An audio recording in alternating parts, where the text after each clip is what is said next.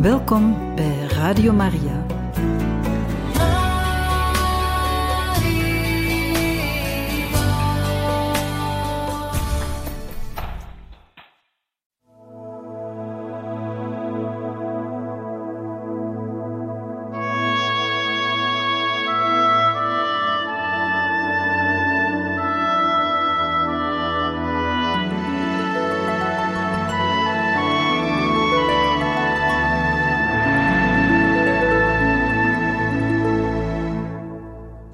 Nog altijd de geestelijke oefeningen ter voorbereiding van het priesterschap van Johannes de 23e in 1904. Mijn goede vice-rector bracht mij naar het seminarie terug, waar niemand aanwezig was, daar iedereen zich buiten de stad bevond, in Rocantica. Mijn eerste plicht was onmiddellijk een brief te zenden aan mijn bisschop, Monseigneur Gundani. Ik zei hem in weinige woorden wat ik, neergeknield, voor Monseigneur Cepetelli aan de Heer zei. Ik herhaalde hem mijn woorden: ik beloof gehoorzaamheid en eerbied. Wat ben ik na acht jaar gelukkig mij deze belofte nog te herinneren en te hernieuwen. Ik schreef vervolgens aan mijn ouders om hen en de hele familie deelgenoot te maken van de vreugde van mijn hart en hen te verzoeken om met mij de Heer te bedanken en hem te smeken dat hij mij trouw zal doen blijven. In de namiddag bleef ik alleen, alleen met mijn God die mij zo verheven had, alleen met mijn gedachten, mijn voornemens en met alle vreugde van het priesterschap.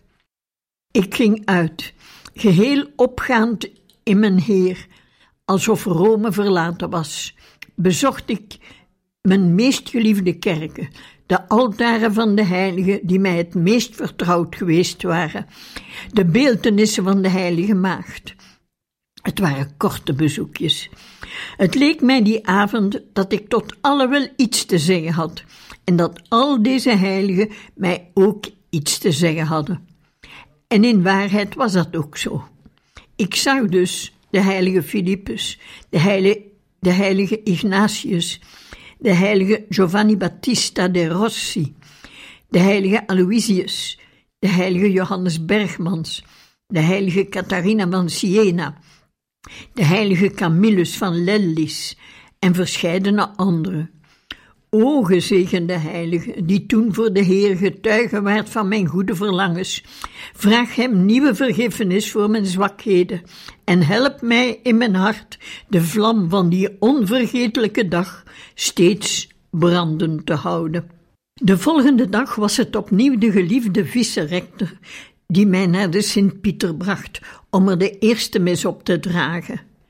Wat had dat grote plein mij veel te zeggen toen ik het overstak. Heel dikwijls reeds was ik er altijd ontroerd overheen gelopen. Maar die morgen en in de majestueuze tempel, te midden van de eerbiedwaardige gedenktekens van de geschiedenis van de kerk. Ik daalde af in de crypte, dicht bij de graftombe van de apostel. Daar bevond zich een kring van vrienden die daar uitgenodigd waren door de vice-rector. Ik herinner mij Monseigneur Giuseppe Palica, mijn professor in de moraaltheologie. Vervolgens Don Enrico Benedetti, Don Pietro Morriconi, Don Giuseppe Baldi, Don Enrico Fazzi en anderen. Ik droeg de votiefmus van de heilige Petrus en de heilige Paulus op. O, welk een vertroosting ging er van deze mis uit. Ik herinner mij dat te midden van de gevoelens waarvan mijn hart overliep, deze alle andere overheerste. Het gevoel van een grote liefde voor de kerk, voor de zaak van Christus en voor de paus. Van een absolute toewijding van mijzelf aan de dienst van Jezus en aan de kerk, en een vast voornemen van een heilige eed van trouw aan de stoel van Sint Pieter, van onvermoeid werken voor het heil der zielen. maar de eed die een speciale wijding kreeg door de plaats waar ik mij bevond, door de daad die ik stelde en door de omstandigheden waarvan deze vergezeld ging, leeft en brandt nog zo in mijn hart dat mijn pen niet in staat is deze te beschrijven. Ik zei tot de Heer bij het graf van de heilige Petrus: Heer, gij weet alles. Gij weet dat ik u bemin. Als in een droomtoestand ging ik daar vandaan. Het leek mij alsof de marmeren en bronzen beelden van de pausen langs de muren van de basiliek mij die dag vanaf hun graftombes met een nieuwe blik aankeken, als om mij moed en groot vertrouwen in te spreken. Tegen het middaguur wachtte mij een nieuwe verrassing: de audiëntie van Paus Pius X. Mijn vicerector had deze voor mij verkregen. Wat ben ik hem toch dankbaar voor al hetgeen dat hij voor mij in deze gezegende dagen deed. En hij vergezelde mij daarheen. Toen de paus bij mij kwam en de vicerector mij aan hem voorstelde, glimlachte hij en boog zich over mij heen om naar mij te luisteren. Neergeknield sprak ik tot hem. Ik zei hem dat ik verheugd was om ootmoedig aan zijn voeten de gelofte te herhalen die ik morgens gedurende mijn eerste mis op de tombe van de heilige Petrus had uitgesproken.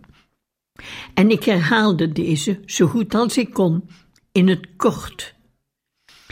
De paus, die steeds over mij heen gebogen bleef staan, zei tot mij, terwijl hij zijn hand op mijn hoofd legde en mij als het ware in het oor fluisterde: Goed zo, goed zo, mijn zoon. Zo heb ik het graag. En ik zal de Heer bidden dat Hij vooral deze goede voornemens van u zegent, en dat Gij werkelijk een priester naar zijn hart mocht worden. Ik zegen verder al uw andere voornemens en alle mensen die zich met u in deze dagen zullen verheugen. Hij gaf mij de zegen en reikte mij zijn hand om deze te kussen. Toen liep hij verder en sprak met anderen. Ik meen met een pool, maar onmiddellijk daarop, als het ware de loop van mijn gedachten volgend, wendde hij zich tot mij en vroeg mij wanneer ik naar huis dacht te gaan. En nadat ik hem gezegd had op de dag van Maria ten hemelopneming, hernam hij: O, wat zal dat een feest zijn daarginds in uw dorpje. Eerst had hij mij gevraagd wat voor een dorp het was. En wie weet hoe mooi de klokken van Bergamo op die dag zullen luiden. En daarna vervolgde hij glimlachend zijn weg. Op de avond van deze gelukzalige dag van de heilige Laurentius was ik in Rocantica, het buitenhuis van het seminarie. Don Giuseppe Piccirilli kwam mij van het station van Poggio Mirteto halen. Het binnenkomen in het huis dat aardig verlicht was, was voor mij zeer ontroerend. In de kapel zongen de jongeren een mooi Tu es sacerdos, de volgende dag was het een blijffeest. Alle gingen te communie. Monseigneur Bugarini, de rector, assisteerde mij. Mijn goede geestelijke leidsman, de redemptorist Pater Francesco Pitocchi, hield de preek in aansluiting op het evangelie. Al te goed was Pater Pitocchi voor mij. De liefde maakte hem een beetje blind. En het grote feest duurde de gehele dag. De dertiende droeg ik de heilige mis op in de kerk van Maria Boodschap te Florence. Hiermede vervulde ik een plicht uit dankbaarheid jegens de geliefde heilige maagd, aan wie ik voor mijn militaire dienst mijn reinheid had gewijd. De veertiende was ik te Milaan, bij het graf van de heilige Carolus. Wat zei ik hem al niet? En hoeveel sterker werd vanaf die dag de band van verering en liefde die mij reeds aan hem bond. De vijftiende, de feest van Maria ten hemelopneming, was ik te sotto il monte. Ik beschouw deze dag als een van de heerlijkste dagen van mijn leven. Voor mezelf, voor mijn verwanten, voor mijn weldoeners, voor allen. Waarom ik aan dit alles heb willen terugdenken? Omdat ook vanuit deze bladzijde de stem van aanmoediging mogen opklinken, om mij getrouw aan mijn belofte en dankbaar jegens de Heer te doen blijven, voor het goede dat Hij voor mij heeft gedaan. Mogen zich een eeuwig verwijt doen horen als ik tekort zou schieten in trouw, en mogen alles bijdragen om van mij een priester te maken, mijn waardigheid ten volle waardig en niet onwaardig aan Jezus, aan wie alleen de eer toekomt.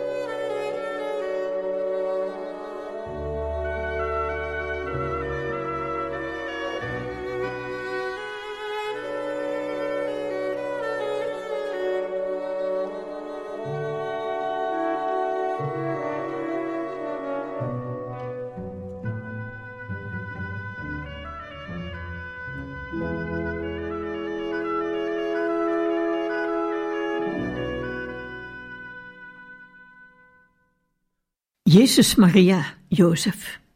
4 november 1904 Recollecties bij het begin van het studiejaar.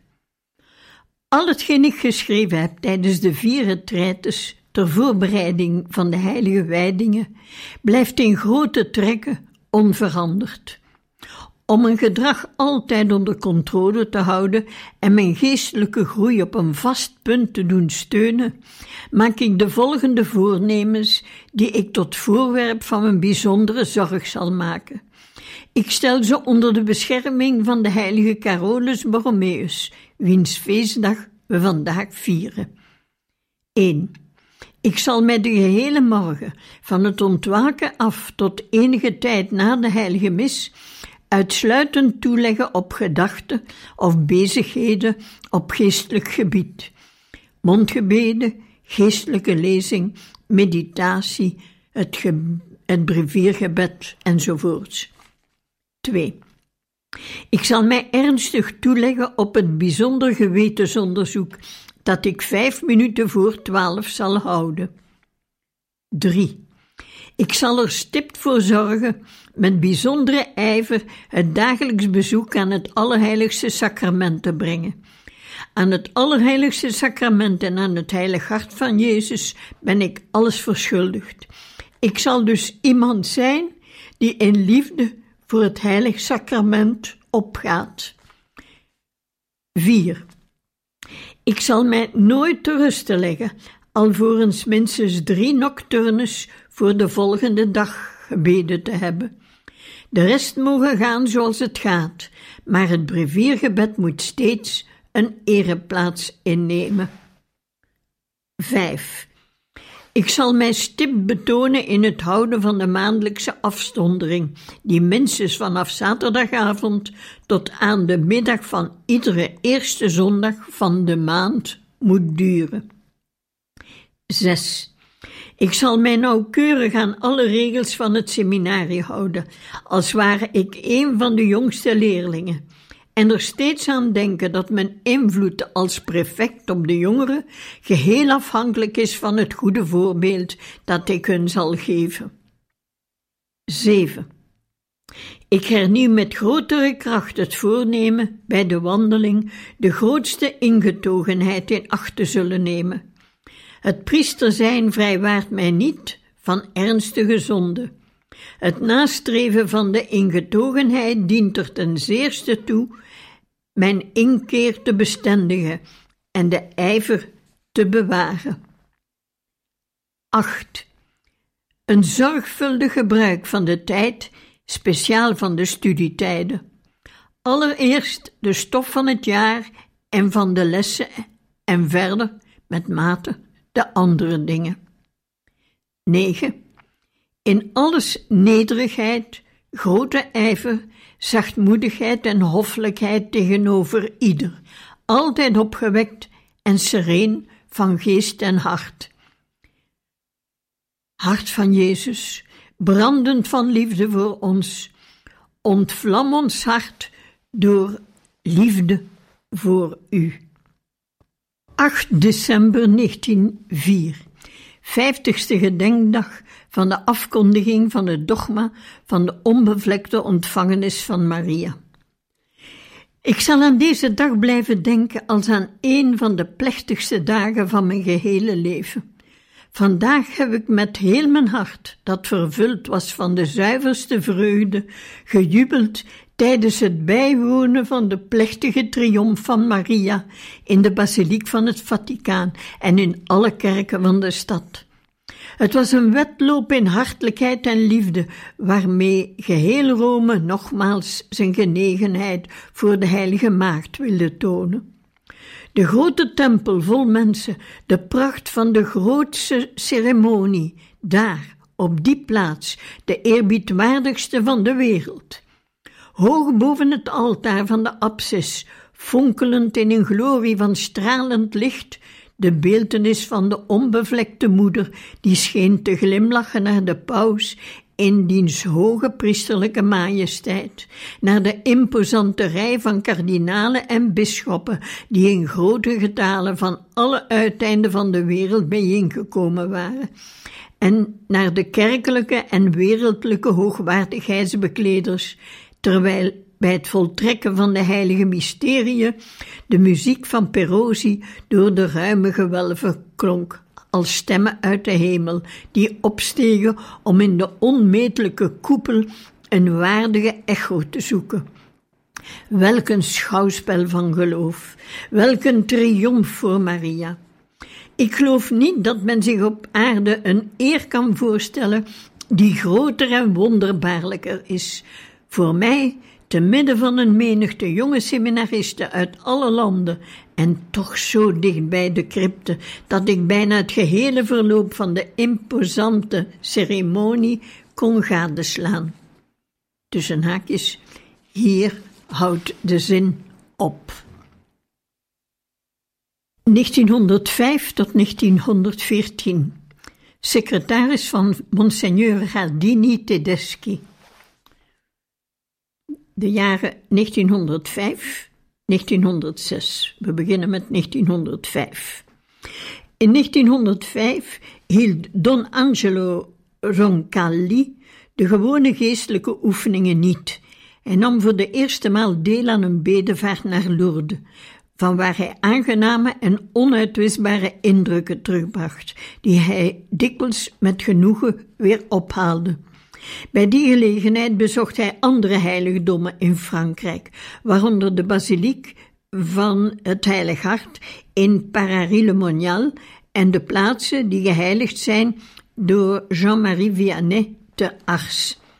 Van 19 tot 21 april van het jaar 1905 bracht Angelo Roncalli, voor hij als secretaris in dienst kwam van Monseigneur Giacomo Maria Radini Tedeschi, bisschop van Bergamo, drie dagen in retraite door bij de Camaldulense van het klooster in Frascati.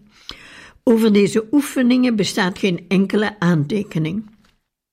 Toen hij zich als paus naar het ziekenhuis van de zusters van de heilige Elisabeth de Frascati begaf op 19 mei 1959 om de zieke monseigneur Paolo Papalardo, titulair aartsbisschop van Apamea in Syrië, een bezoek te brengen, wilde hij het klooster nog eens weer bezoeken.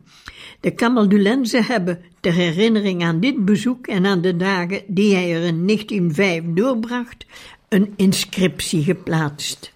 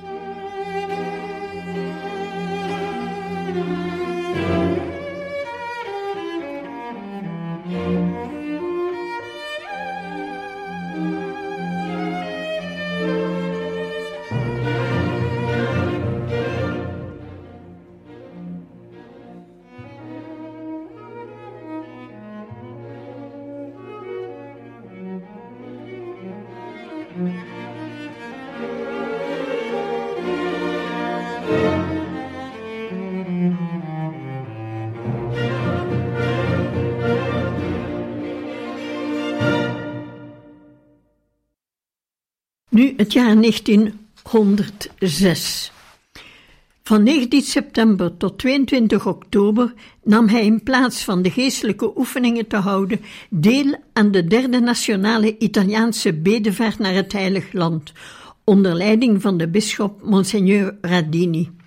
Van deze reis zijn enige aantekeningen bewaard gebleven die getuigen van zuivere vroomheid en die in 1906 gepubliceerd zijn in de Eco di Bergamo van 27 september tot 25 oktober en tevens in het tijdschrift van het Comitato Pro Palestina e Lourdes. Deze zullen in een later boek opnieuw worden gepubliceerd. Wij geven hiervan als proeven twee gedeeltes. Het eerste gedeelte.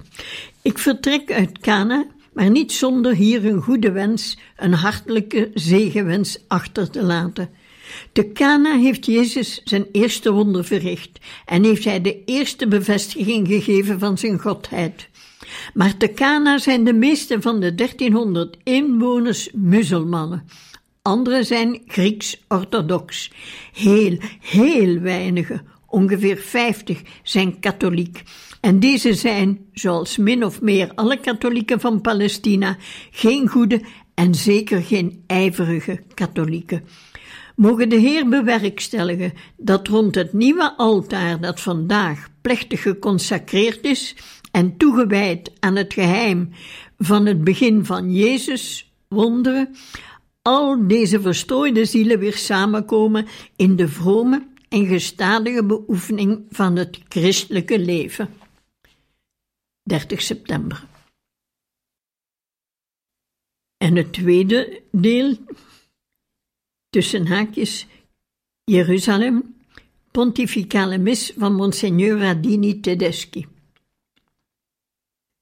Nadat monseigneur de verbijstering van de vrome vrouwen bij de afgewendelde grafsteen vergeleken had met de verbazing en smart die uit verre landen gekomen christenen hier gevoelen bij de wanorde en verwarring van mensen en dingen, van talen, riten en geloof die rond het heilige graf heerst, deed hij een krachtig beroep op de triomferende Christus, dat hij mocht terugkeren in de glans van zijn glorie bij het geopende graf, niet om meteen te drijven, maar om te bekeren, en dat men vooral hier mocht herhalen één schaapstal en één herder. En dat het gehele Oosten dit opnieuw mocht herhalen.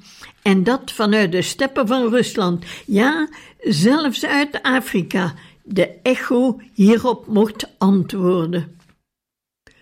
Ontroerd hingen alle met hun blik en hun gehele hart aan de lippen van de bisschop.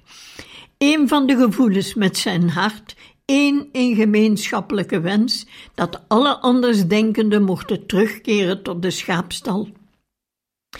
En waarom zou, met de algemene instemming van de hele christenheid, de wens van heden zich niet kunnen omzetten in de werkelijkheid van morgen? Aan ons de taak intussen om de zo prachtig geformuleerde wens te willen aannemen en te verwerkelijken. Aan God de rest, in de zekerheid dat het woord van Christus bewaarheid zal worden. En vooral hier in 4 oktober, Jeruzalem. één schaapstal en één herder.